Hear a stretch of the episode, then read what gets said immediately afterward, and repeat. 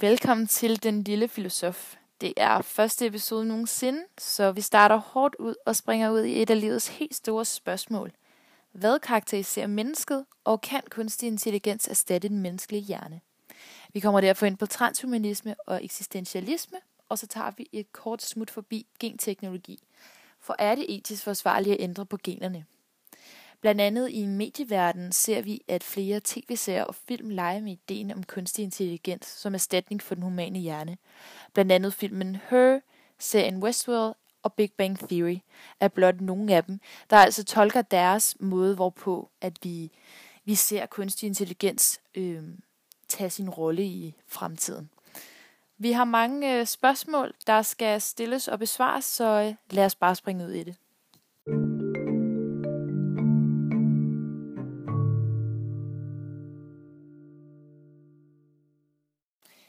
Men hvad er et menneske egentlig? Slår man det op i ordbogen, så får man, at det er det højst udviklede pattedyr, som er kendetegnet ved opret gang på to ben og en højt udviklet hjerne. Men øh, vi mennesker mener jo, at der er meget mere til mennesket end blot den lemlige del. Og vi spørger, det er et urgammelt spørgsmål, så er blevet øh, stillet igennem generationer. Hvad er et menneske, og hvem er jeg? En gang der mente man jo, at vi var Guds udvalgte skabning, at Adam var det første menneske, der blev skabt af Gud. I den anden skabelsesberetning i 1. Moses bog, kapitel 2, der skaber Gud Adam af jord og blæser sin livs ånde ind i hans næsebor, så han bliver levende. I dag der taler vi jo om, at vi, homo sapiens, nedstammer fra aberne, så der er kommet en langt mere videnskabelig tilgang til, hvad mennesket i virkeligheden er. Og øh, går vi tilbage til omkring 440 år tid, der øh, altså under filosofernes storhedstid i Athen, det gamle Grækenland, der så man jo allerede der, hvordan mennesket og menneskesyn blev taget op til debat. Og der var især Platon øh, en af de vigtige filosofer for, for diskussionen om, hvad et menneske er. Platon han mente jo netop, at der var meget mere til mennesket, end hvad vi blot forstod, og altså at vi bestod af meget mere end kød og blod. Platons idélærer er en videreudvikling af Sokrates filosofi, og øh, hans idé bygger på, at han mente, at verden var opbygget dualistisk. Det vil altså sige, at den bestod af to verdener. På den ene side har vi fænomenernes verden, og den anden side har vi idéernes verden. Og det kan altså forstås sådan som lemets verden og sjælens verden. Fænomenernes verden er den verden, som vi lever og ånder i. Den er både forgængelig og foranderlig. Modsat idéernes verden, der er den sande virkelighed. Den er altså både evig og uforanderlig. Han mente, at al virkelighed består grundlæggende af idéer, der er betingelsen for det materielle, for eksempel idéerne er de primære, og fænomenerne er de sekundære. Fænomenerne er altså et produkt af ideen, og sanserne de er altså foranderlige og sammensatte, i modsætning til idéerne, der er grundforståelsen og fornuften. De er altså uforanderlige og usammensatte. Og øh, Platon han blev blandt andet meget kendt for sit såkaldte løveeksempel, hvor at det skal forstås som, at den konkrete løve er et udtryk for løvens idé, altså et lemligt eksemplar af den. Det er løvens idé, der er betingelsen for, at den konkrete løve overhovedet kan eksistere. Efter Platon og Platons idélærer så vi, at mange andre filosofer, der kom med deres bud og filosofi øh, på, hvordan, øh, hvordan mennesket og, og, og sjælen egentlig hænger sammen. Og vi så blandt andet Aristoteles, så så vi langt senere hen i omkring 1711, øh, så vi David Hume, Immanuel Kant, og så så vi lige lidt før øh, David Hume i 1596-1650, der så vi René Descartes. Og han var altså kendt for sin filosofi, filosofi jeg tænker altså er jeg.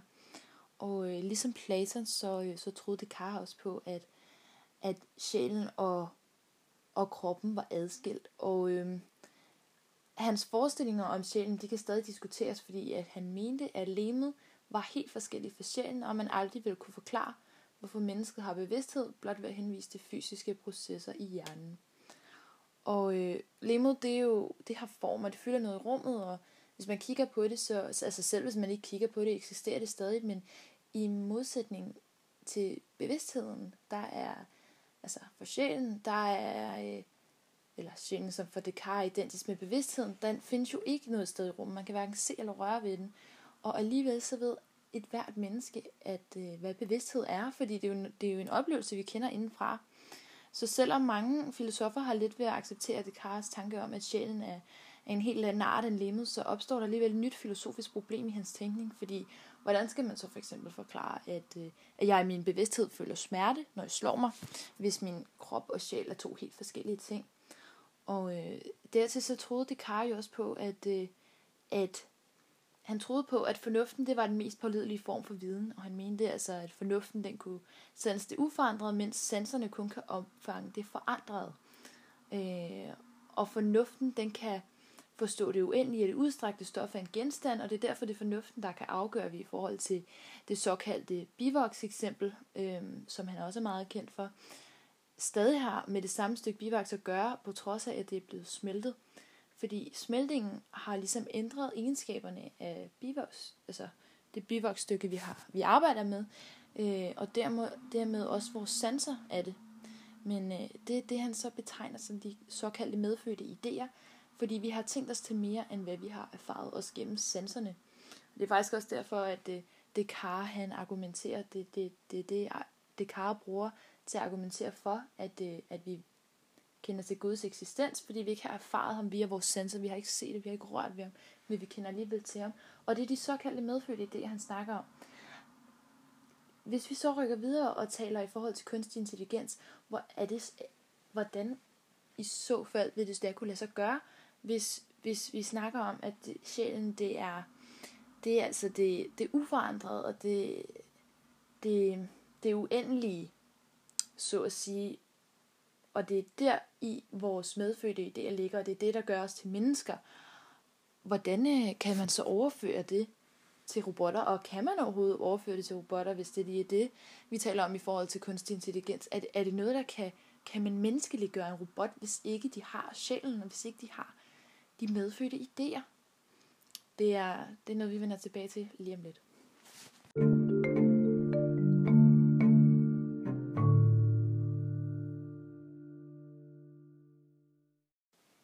Grunden til, at jeg faktisk valgte at tage den her debat op, det var, fordi jeg faldt over den her dokumentar på TV2 Play, der hedder Sexrobotten kommer, Design din drømmepige, hvor man følger CEO Matt McMullen, der er øh, står bag firmaet Realbotics, hvor at man ser den nyeste udvikling af, øh, af den nye, hvor man tester øh, den nyeste model Harmony, der er en sexrobot.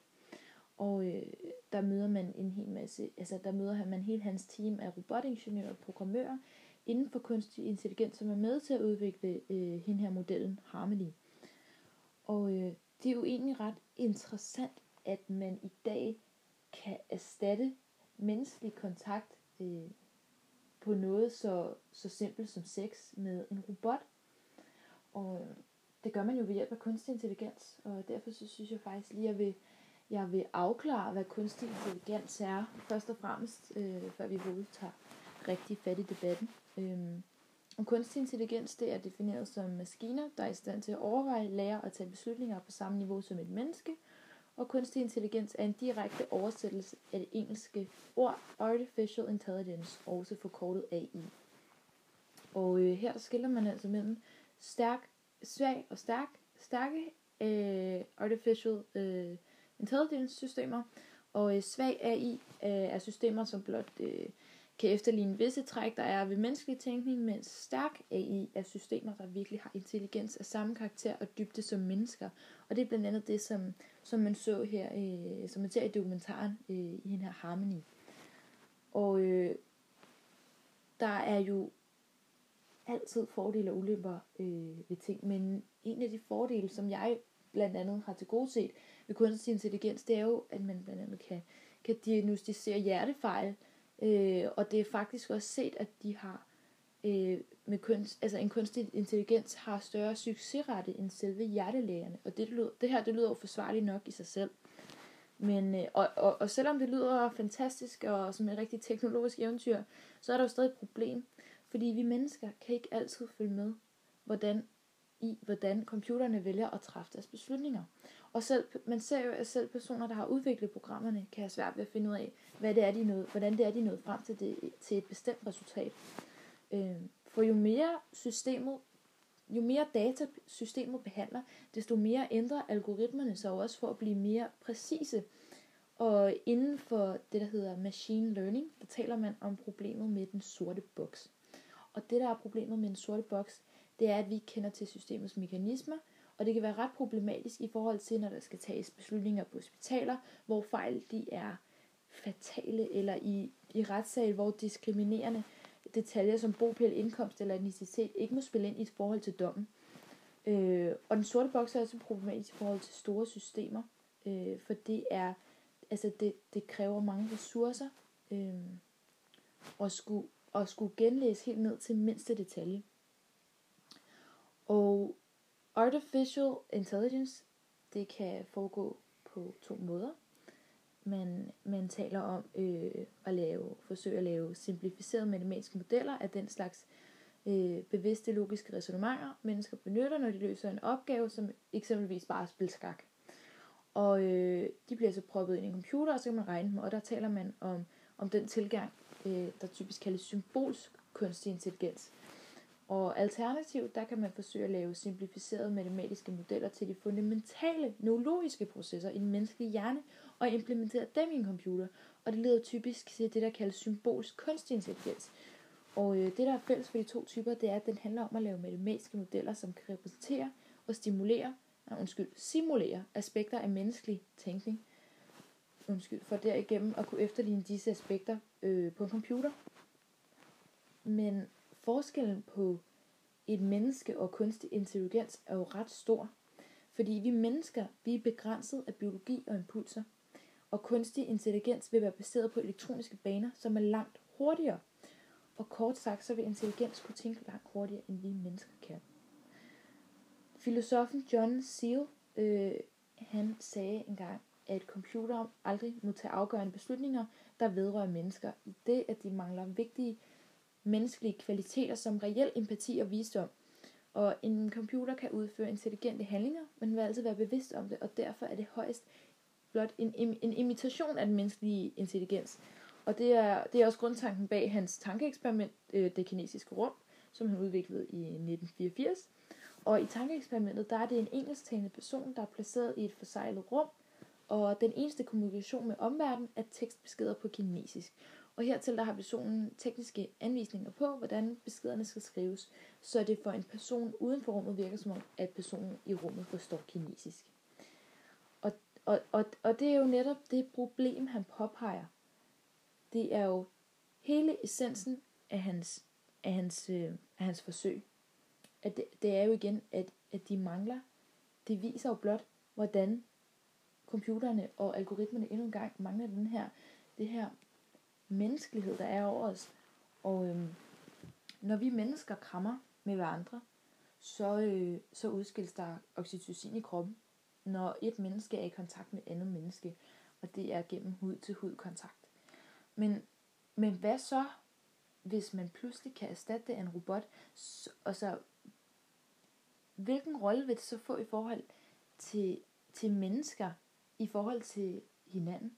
Som vi så i, som jeg så i dokumentaren, der var der jo, altså, der var der jo produceret, der blev produceret en sexrobot, der skulle tilfredsstille et menneskes fysiske behov. Men det blev jo pludselig i en sådan grad, at mennesket, et andet menneske til det menneske, bliver fuldstændig erstattet. Det hun, det hun var i stand til, hende her Harmony, det var, at hun var i stand til at tale og, og, og føre en samtale og, og simulere, øh, simulere, at hun var under akten af sex. Er, er det så etisk korrekt at udvikle kunstig intelligens i en sådan grad, at det bliver muligt at erstatte mennesker med en robot ved hjælp, eller en computer ved hjælp af artificial intelligence? Fordi de mangler jo, som vi diskuterede tidligere, så var der jo flere filosofer, der mente, at der var en adskillelse mellem leme og sjæl. Sjælen kan vi ikke røre, vi kan ikke se vi kan ikke se sjælen, og alligevel så føler vi mennesker, at den er til. Hvordan i alverden vil man nogensinde skulle kunne indfinde den i robotten, når den vil være mekanisk fremstillet. Altså, der jo er, robotten er jo mekanisk fremstillet, og som jeg også sagde tidligere, som John Seale havde udtalt sig, de er jo en imitation af, hvad mennesket gør. Det er jo ikke, det er jo ikke virkeligt, det vi oplever. Så er det pludselig unaturligt at, at, at producere artificial eller kunstig intelligens, og altså strider det imod naturens gang? Eller er det behjælpeligt? Øhm, som, jeg også, som jeg også nævnte det her med, at, at der var set en langt større succesrate i forhold til at, at diagnostisere hjertefejl end hos hjertelægerne, der jo har muligvis foretaget menneskelige fejl. Hvor er, hvor er det her? Det er jo her problemer opstår. For hvor, hvor langt kan vi gå til, at kunstig intelligens er forsvarligt øh, i forhold til at kunne erstatte os mennesker. Nu har vi jo snakket om, hvorvidt det er, hvor langt vi kan gå, øh, før at kunstig intelligens øh, fortsat er forsvarligt. Men øh, dykker vi ned i serien Westworld, der har øh, Artificial Intelligence som overordnet tema, der, der ser man på historien om, øh, om et dystopisk skræmmebillede over kunstig intelligens i en western-inspireret forlystelsespark med menneskelige robotter, hvor i at gæsterne så kan hygge sig med at voldtage, dræbe og hyggesluder med androiderne, som det nu engang passer dem. Og, og der kommer vi jo til at diskutere kunstig intelligens på et helt andet plan.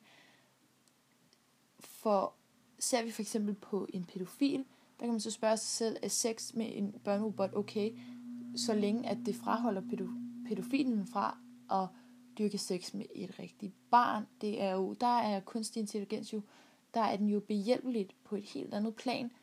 Men, men det, det, at det så ikke principielt går over et barn, gør jo ikke nødvendigvis, at tanken ikke længere bag fortsat er fortsat, fortsat frastøder, øh, frastøder os.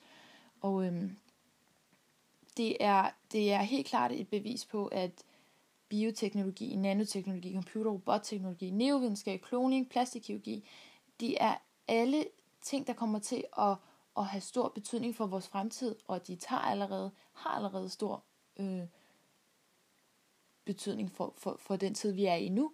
Øhm, og, og det vi skal ligesom være opmærksom på, det, er alle, det indeholder alle potentialer til at ændre, ændre grundlæggende på menneskets naturlige forudsætninger og grænser.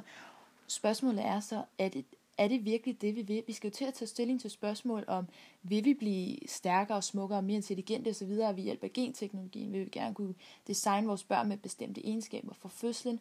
Er vi, er vi villige til at, at, at udfordre den skæbne? Og, og vil, vi, vil vi forsøge at se, om vi kan leve længere? Altså det, det, er de her, det er de her problemstillinger, vi skal til at tage stilling til i en fremtid, hvorvidt at kunstig intelligens er skræmme eller ej, er jo et spørgsmål om, i, i hvilken grad det er, vi diskuterer det.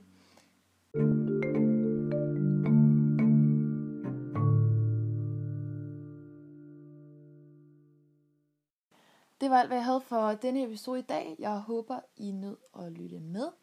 Jeg er i hvert fald blevet lidt klogere på emnet, men det kommer helt klart til at være noget, som øh, jeg dykker, øh, dykker mere ned i og, øh, i fremtiden, for det er helt klart et emne, der, der vil blive mere og mere relevant for os menneske.